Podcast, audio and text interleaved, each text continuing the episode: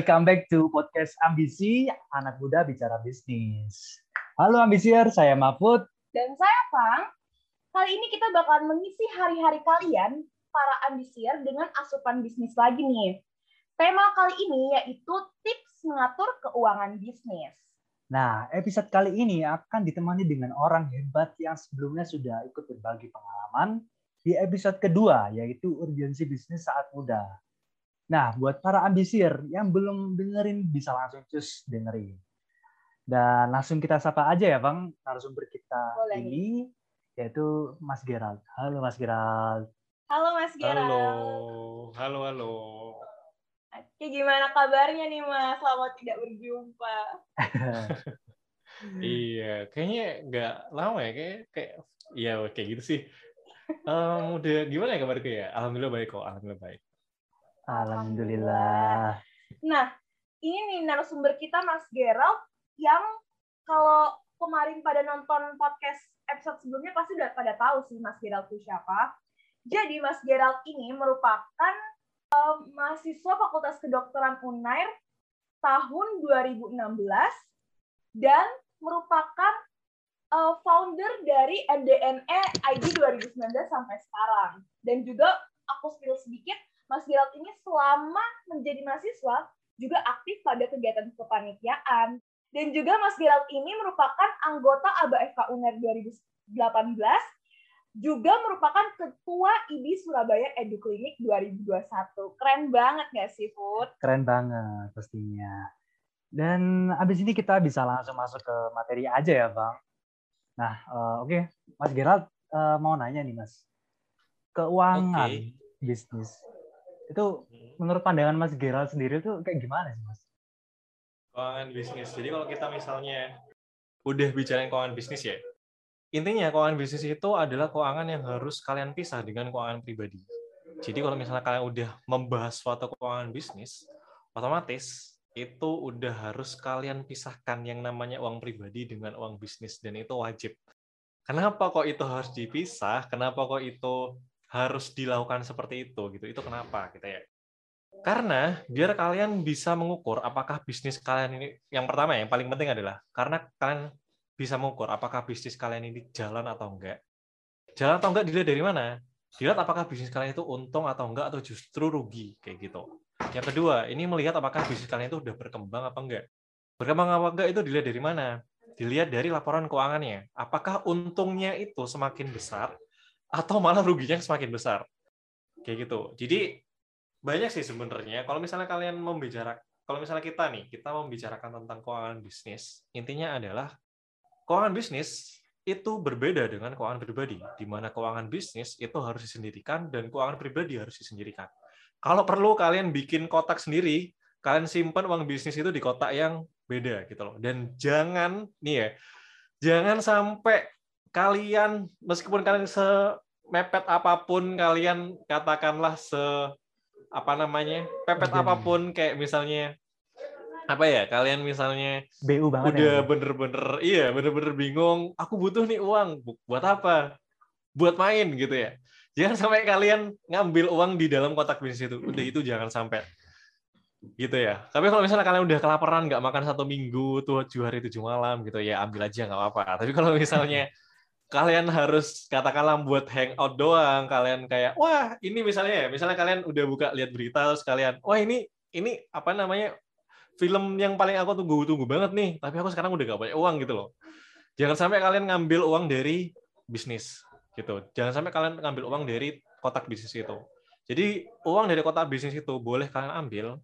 Kalau misalnya udah kalian hitung berapa keuntungannya dan kalian harus netepin kapan aku harus ngambil uang dari kotak bisnis itu? Entah itu seminggu sekali entah itu sebulan sekali atau kapan? Intinya adalah uang itu bisa diambil kalau misal pengeluarannya udah kalian hitung pemasukannya udah kalian hitung dan hasilnya apakah itu untung rugi itu udah kalian hitung. Gitu sih. Ya kayak gitu. Sedikitnya sedikit kurang lebihnya kayak gitulah. Oke. Jadi berbicara tentang keuangan, sebenarnya keuangan dalam bisnis tuh bisa dikatakan sebagai jantungnya bisnis sih. Karena kalau misalnya kita bisnis, hmm, itu secara nggak langsung emang kita mau meraup keuntungan nggak sih, Mas? Dalam bisnis itu.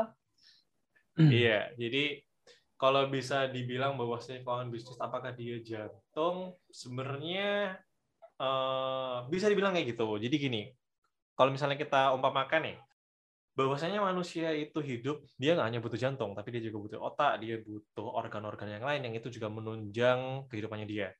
Dan uang ini adalah salah satu aspek penting dalam bisnis. Aspek penting lainnya apa? Aspek pentingnya lainnya adalah motivasi, kemauan, terus fasilitas. Oh, sorry, bukan fasilitas, peralatan. Terus apa lagi ya? Waktu dan yang lainnya. Jadi banyak banyak yang harus dipikirkan. Kalian nggak punya uang pun, itu bisnis bisa jalan. Sebenarnya bisnis bisa jalan. Tinggal gimana caranya muter otak gitu loh. Tinggal gimana caranya muter otak tapi kalau misalnya ada uang, tentunya bisnis kalian akan jalan lebih lancar. Kayak gitu. Meskipun nggak ada uang, itu bisnis kalian bisa jalan. Cuman mungkin lebih lambat. Tapi kalau udah ada uang, ya itu, bisnis kalian bisa jalan lebih lancar. Jadi penting untuk benar-benar mengatur keuangan. Gitu. Dan ya intinya intinya itu tadi sih, intinya itu tadi. Nah, berbicara tentang mengatur keuangan nih, Mas, kira-kira ada skill khusus nggak ya untuk mengatur keuangan itu sendiri selain memisahkan uang pribadi dan uang bisnis kayak tadi yang Mas katakan? Oke, okay. skill khusus ya. Skill khususnya sebenarnya kita semua udah punya sih sebenarnya skill khususnya. Apakah skill khusus ini? Skill khususnya itu adalah jadilah pelit dalam bisnis. Maksudnya gimana? Maksudnya gini, bukan kalian harus ah, bukan aku ngajarin kalian berubah jadi orang yang kikir ya? Bukan bukan jadi orang yang kikir ya? Kan gitu. Maksudnya maksudnya pelit itu adalah pikirkan kembali kalau misalnya kalian mau membeli sesuatu kalian misalnya nih ya misalnya nih kalian suka masak terus kalian berusaha untuk membuat masakan di mana masakan itu udah dibuat dari peralatan yang udah kalian punya.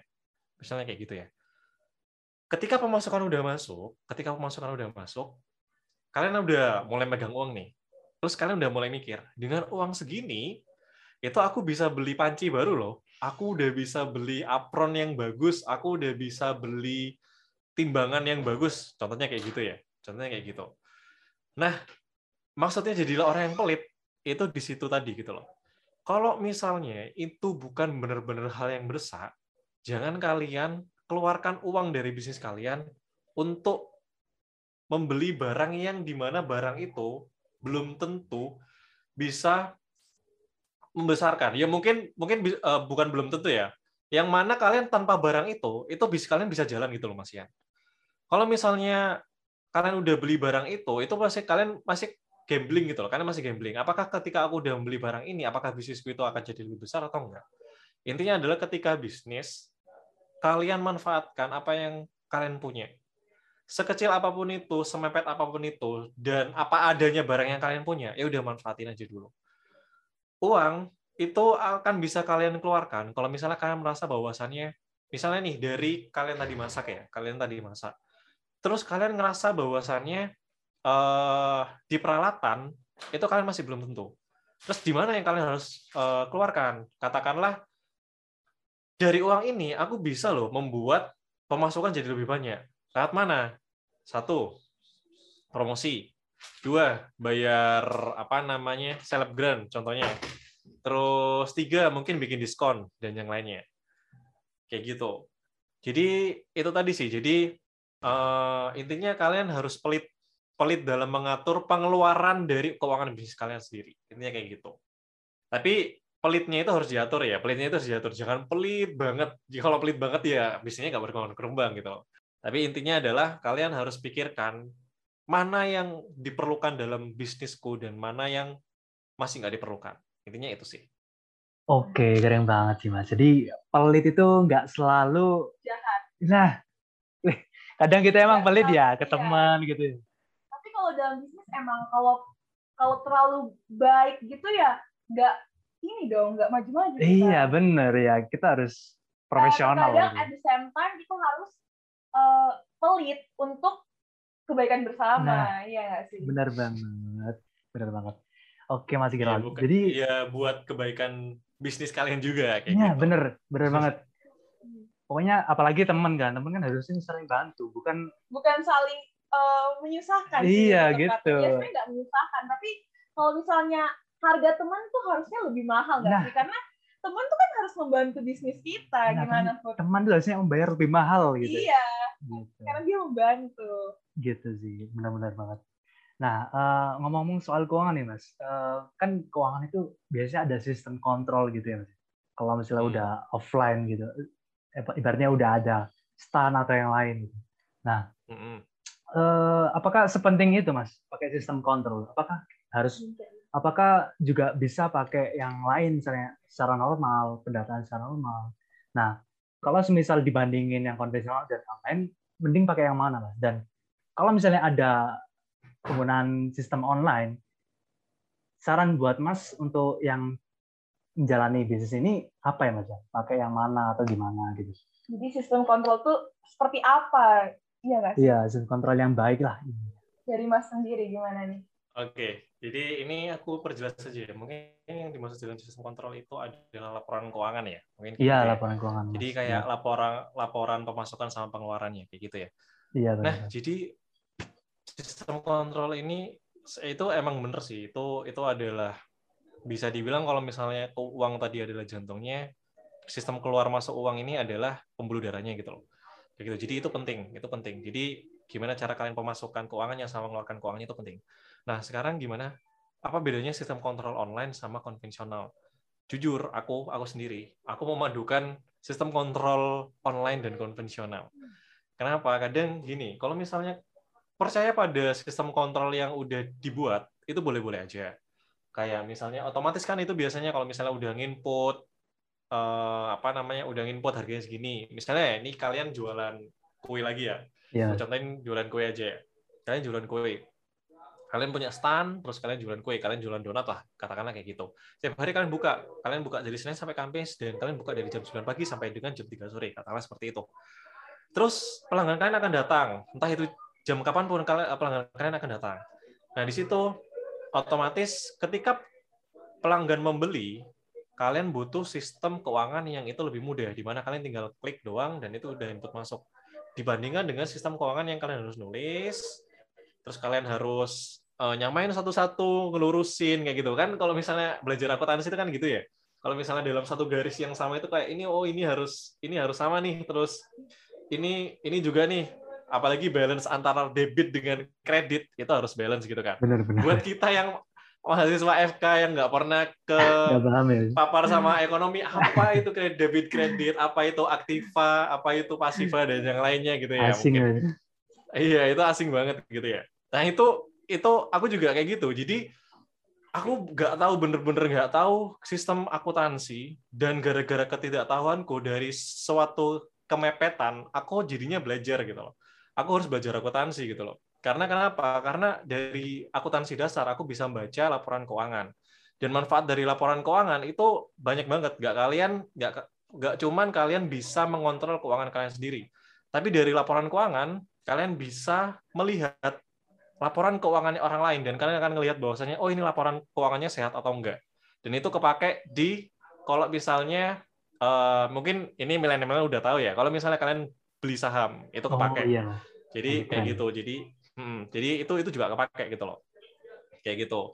Istilah-istilah dalam saham dan yang lainnya terus kalian buka laporan keuangan perusahaan itu itu juga bisa kayak gitu.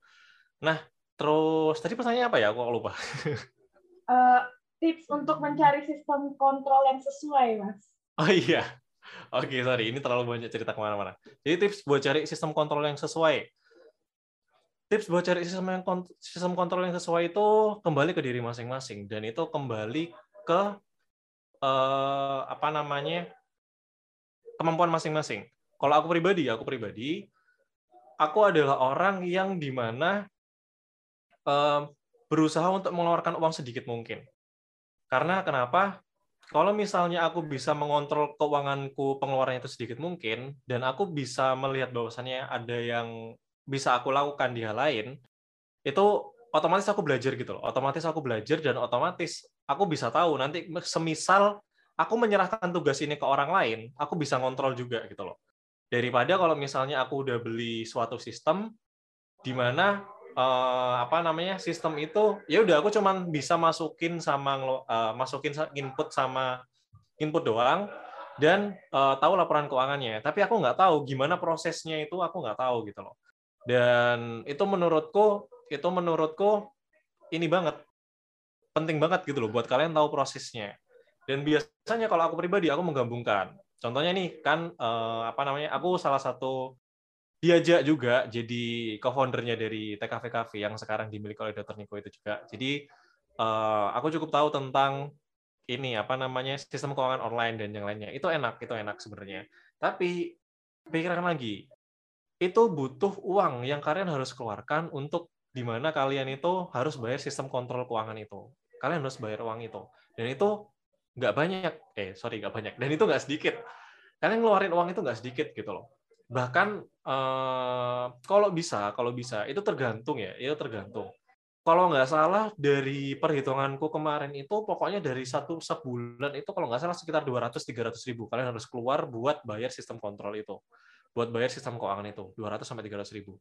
Berarti kalau misalnya nih kita berpikir secara bisnis ya berarti dalam satu bulan aku harus bisa menghasilkan minimal bisa nutupin pembayaran sistem kontrol ini kayak gitu minimal berarti uh, untungnya paling enggak ya 200 300 ribu itulah tadi tapi kalau bisa ya harus lebih dari itu gitu loh. Jadi itu kembali ke masing-masing. Kalau misalnya misalnya nih kalian cuma jualan keripik kayak aku dulu di mana satu harinya itu cuma untung 20 ribu, 15 ribu yang mungkin kalau misalnya per bulan ya paling cuma 300 ribu, 400 ribu lah dapatnya. Dan yeah. itu iya. dulu lumayan banget buat aku gitu. Itu lumayan banget buat aku gitu dulu. Dan itu uh, mau nggak mau harus pakai sistem kontrol konvensional. Gimana kalau misalnya udah pakai sistem kontrol online gitu loh. Sebenarnya udah banyak sih sistem kontrol uh, apa namanya digital yang gratis gitu. Tapi tetap meskipun itu sistem kontrol digital atau gratis, kalian harus tetap belajar tentang dasar keuangan. Intinya kayak gitu. Jadi dasar doang, nggak harus kalian mikirin yang lain-lain nggak nggak. Dasarnya doang. Intinya kalian tahu bahwasannya oh uangnya masuk itu di sini, keluarnya itu di sini. Intinya kayak gitu sih.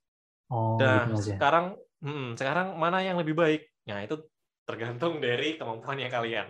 Kalau misalnya kalian masih punya waktu dan kalian masih muda, ya kalian belajar. Karena itu tadi, kalian tahu sistem keuangan, itu kalian bisa baca sistem keuangan orang lain. Gitu dan itu penting. Gitu sih. Jadi kembali ke preferensi masing-masing ya Mas ya, sama kondisi hmm. bisnisnya sekarang gitu ya Mas. Bener. Bener banget. Nah, gimana nih Bang? Kalau kalau aku sih lebih pengen ke saran aja nih Mas untuk yang sedang berbisnis terkait keuangan kan kadang orang-orang tuh kadang suka kelabakan ya tentang keuangan tuh. Jadi uh, karena nggak sistem kontrolnya tadi itu nggak uh, efisien untuk pribadi mereka masing-masing, jadinya keuangannya jadi semakin menurun, semakin menurun sampai-sampai bisa jadi anjlok gitu. Jadi untuk ada nggak saran khusus buat uh, pebisnis pebisnis baru khususnya terkait keuangan? Oke, Saran khusus ya. Saran yang pertama kali tadi, yang pertama kali harus kalian ingat adalah pisahkan uang bisnis dengan uang pribadi. Itu harus dipisahkan. Bener-bener harus dipisahkan. Bahkan kalau misalnya sistem keuangan kalian pembayaran itu lewat transfer atau lewat OVO atau lewat merchant-merchant yang lain, kalian harus beli nomor baru yang di mana pemasukannya itu harus kalian bedakan. Intinya kalian harus bedakan mana yang pemasukan ini untuk bisnis dan mana yang pemasukan untuk pribadi. Intinya itu kalian benar-benar harus bedakan. Entah itu uh, apa namanya secara uh, fisik uangnya atau secara digital. Kalau digital kan ya mungkin lewat merchant-merchant atau e-banking dan yang lainnya ya. Entah itu secara fisik. Kalau fisik pun kalian juga harus pisahkan. Kalian siapin kotak sendiri atau kalian siapin amplop sendiri atau kalian siapin tas sendiri di mana. Kalian tulisin aja gede ini uang bisnis jangan dipakai gitu bisa itu bisa jadi terserah kalian. Intinya adalah kalian harus pisahkan uang bisnis dengan uang pribadi. Dan saran kedua, jangan ambil uang bisnis sebelum kalian udah ngitung pengeluaran dan pemasukannya. Kayak gitu. Jadi sebenarnya ngambil uang bisnis itu nggak apa-apa, sah saja. Entah kalian mau ngambilnya itu tiap hari, entah kalian mau ngambilnya itu tiap minggu atau tiap bulan. Itu sah saja nggak apa-apa. Asalkan kalian udah ngitung dalam satu hari itu berapa pemasukan, berapa pengeluaran, apakah hari ini rugi atau untung, dan berapa hari, berapa uang harus aku ambil, berapa persen yang di mana uang ini harus tetap ada untuk bisnis, dan berapa persen yang uang ini bisa aku nikmati. Kayak gitu. Dan itu penting, itu penting. Karena kalian uh, semua orang ya, semua orang, semua orang pasti ingin bahwasanya bisnisnya itu berkembang. Dan kalau misalnya kalian ingin bisnisnya itu berkembang, ya itu tadi, jangan sampai kalian gabungin antara uang pribadi dengan uang bisnis. Dan uang bisnis itu kalau bisa bikin sebanyak mungkin daripada uang pribadi. Karena biasanya eh, kalau aku sendiri ya, kalau aku sendiri, aku biasanya ngambil itu eh, 90 banding 10. Jadi 90 akan aku tetap keep di bisnisku, 10 yang itu akan aku nikmati. Biasanya kayak gitu. Karena dari 90 itu ternyata banyak yang harus di apa namanya di maintenance dan itu akan keluar di banyak hal-hal lain yang itu nggak terduga dan ternyata itu worth it buat dikeluarin gitu. Kalau aku kayak gitu, 70-30 masih make sense lah. 50-50 juga masih make sense. Yang di mana kalau misalnya itu lebih banyak buat masuk ke pribadi, ke kita pribadi, ya sebenarnya nggak apa-apa, sebenarnya nggak apa-apa. Tapi dari situ dampaknya nanti adalah bisnis kalian akan susah buat berkembang. Kayak gitu. Kembali ke pembagiannya sendiri-sendiri ya Mas ya. Benar. Itu saran kedua dan saran ketiga adalah jadilah pribadi yang pelit untuk bisnis kalian sendiri. Gitu sih. Oke. Oke.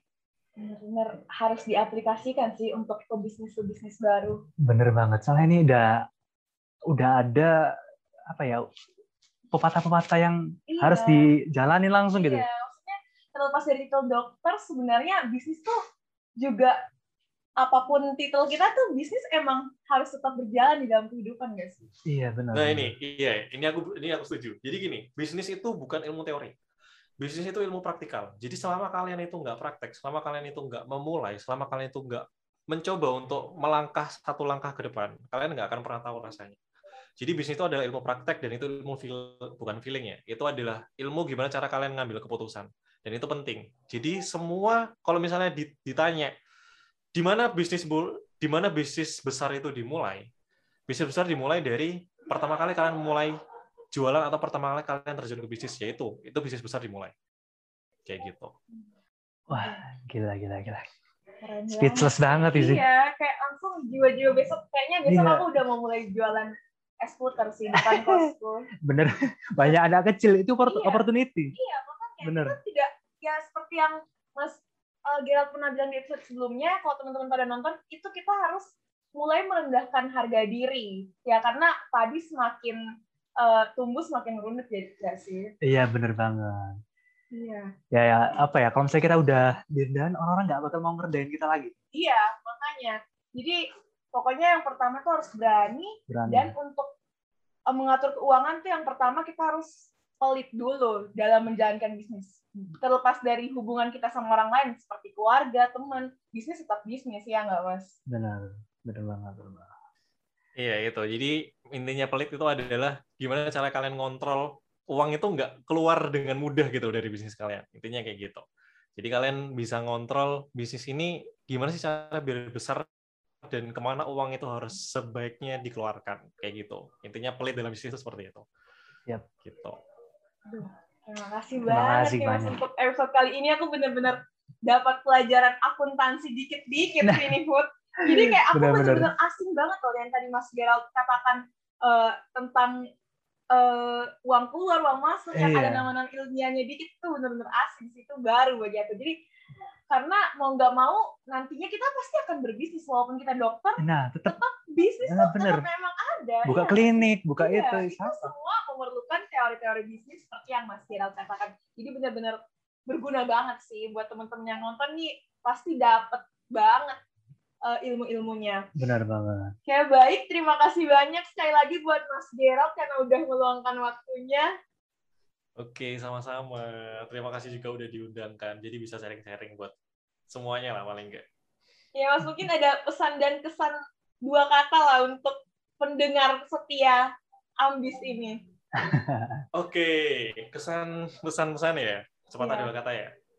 Yang pertama, mungkin ada dua pesan yang ingin aku sampaikan. Yang pertama adalah em, kalau misalnya kalian ingin bisnis itu yang harus jadi gini, bisnis sebenarnya bis misalnya nih aku eh, sering ditanyain kalau misalnya aku ingin bisnis dari manakah aku harus mulai kalian nggak harus mulai dari mana-mana kalian cuma harus menjalankan apa yang ingin kalian mulai. Karena dari kalian udah menjalankan apa yang ingin kalian mulai, kalian udah belajar tentang bisnis. Karena seperti yang udah aku katakan tadi, bisnis itu adalah ilmu praktek, dia bukan ilmu teori. Selama kalian nggak pernah praktek, kalian nggak akan pernah bisa. Sama kayak dokter. Dokter kan juga ilmu praktek kan, nggak nggak banyak dia ilmu tentang teori.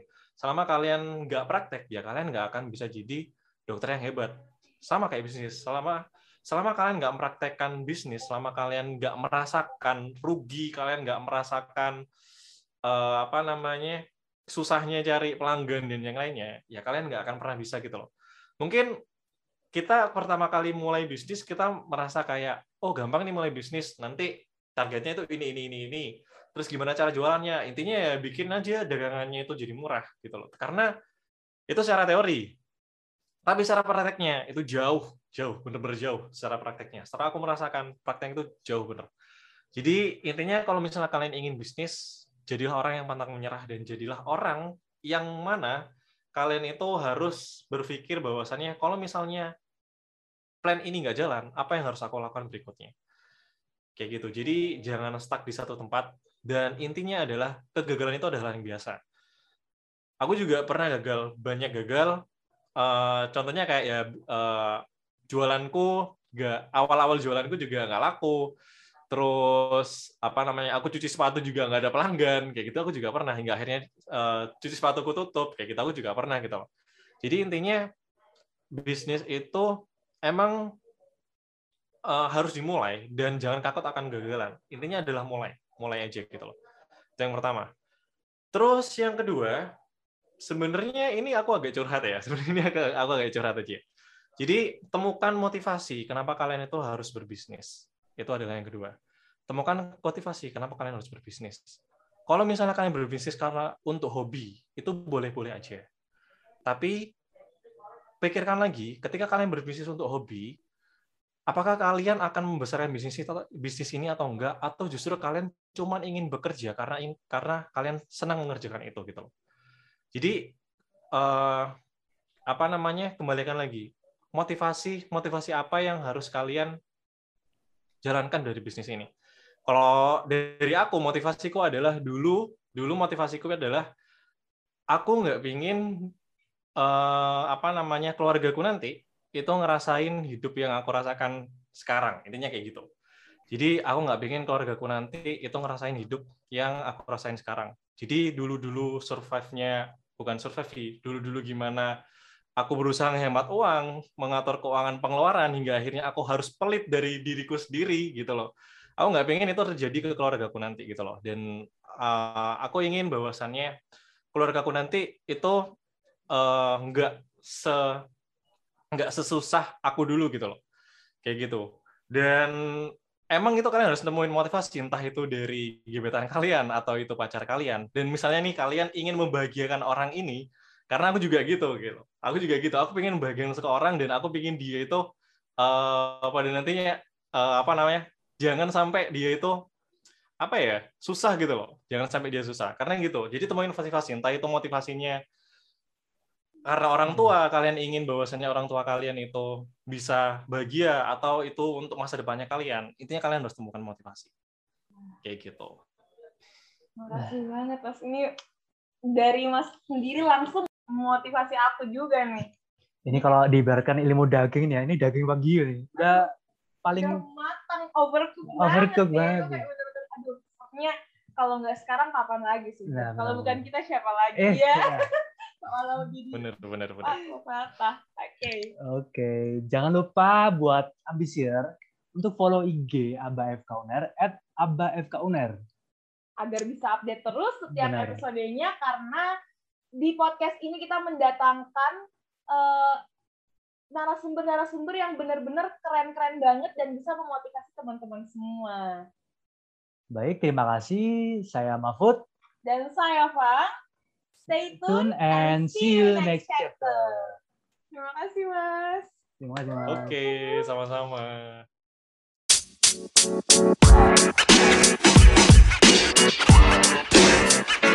You know, man. You know, man. You know, man.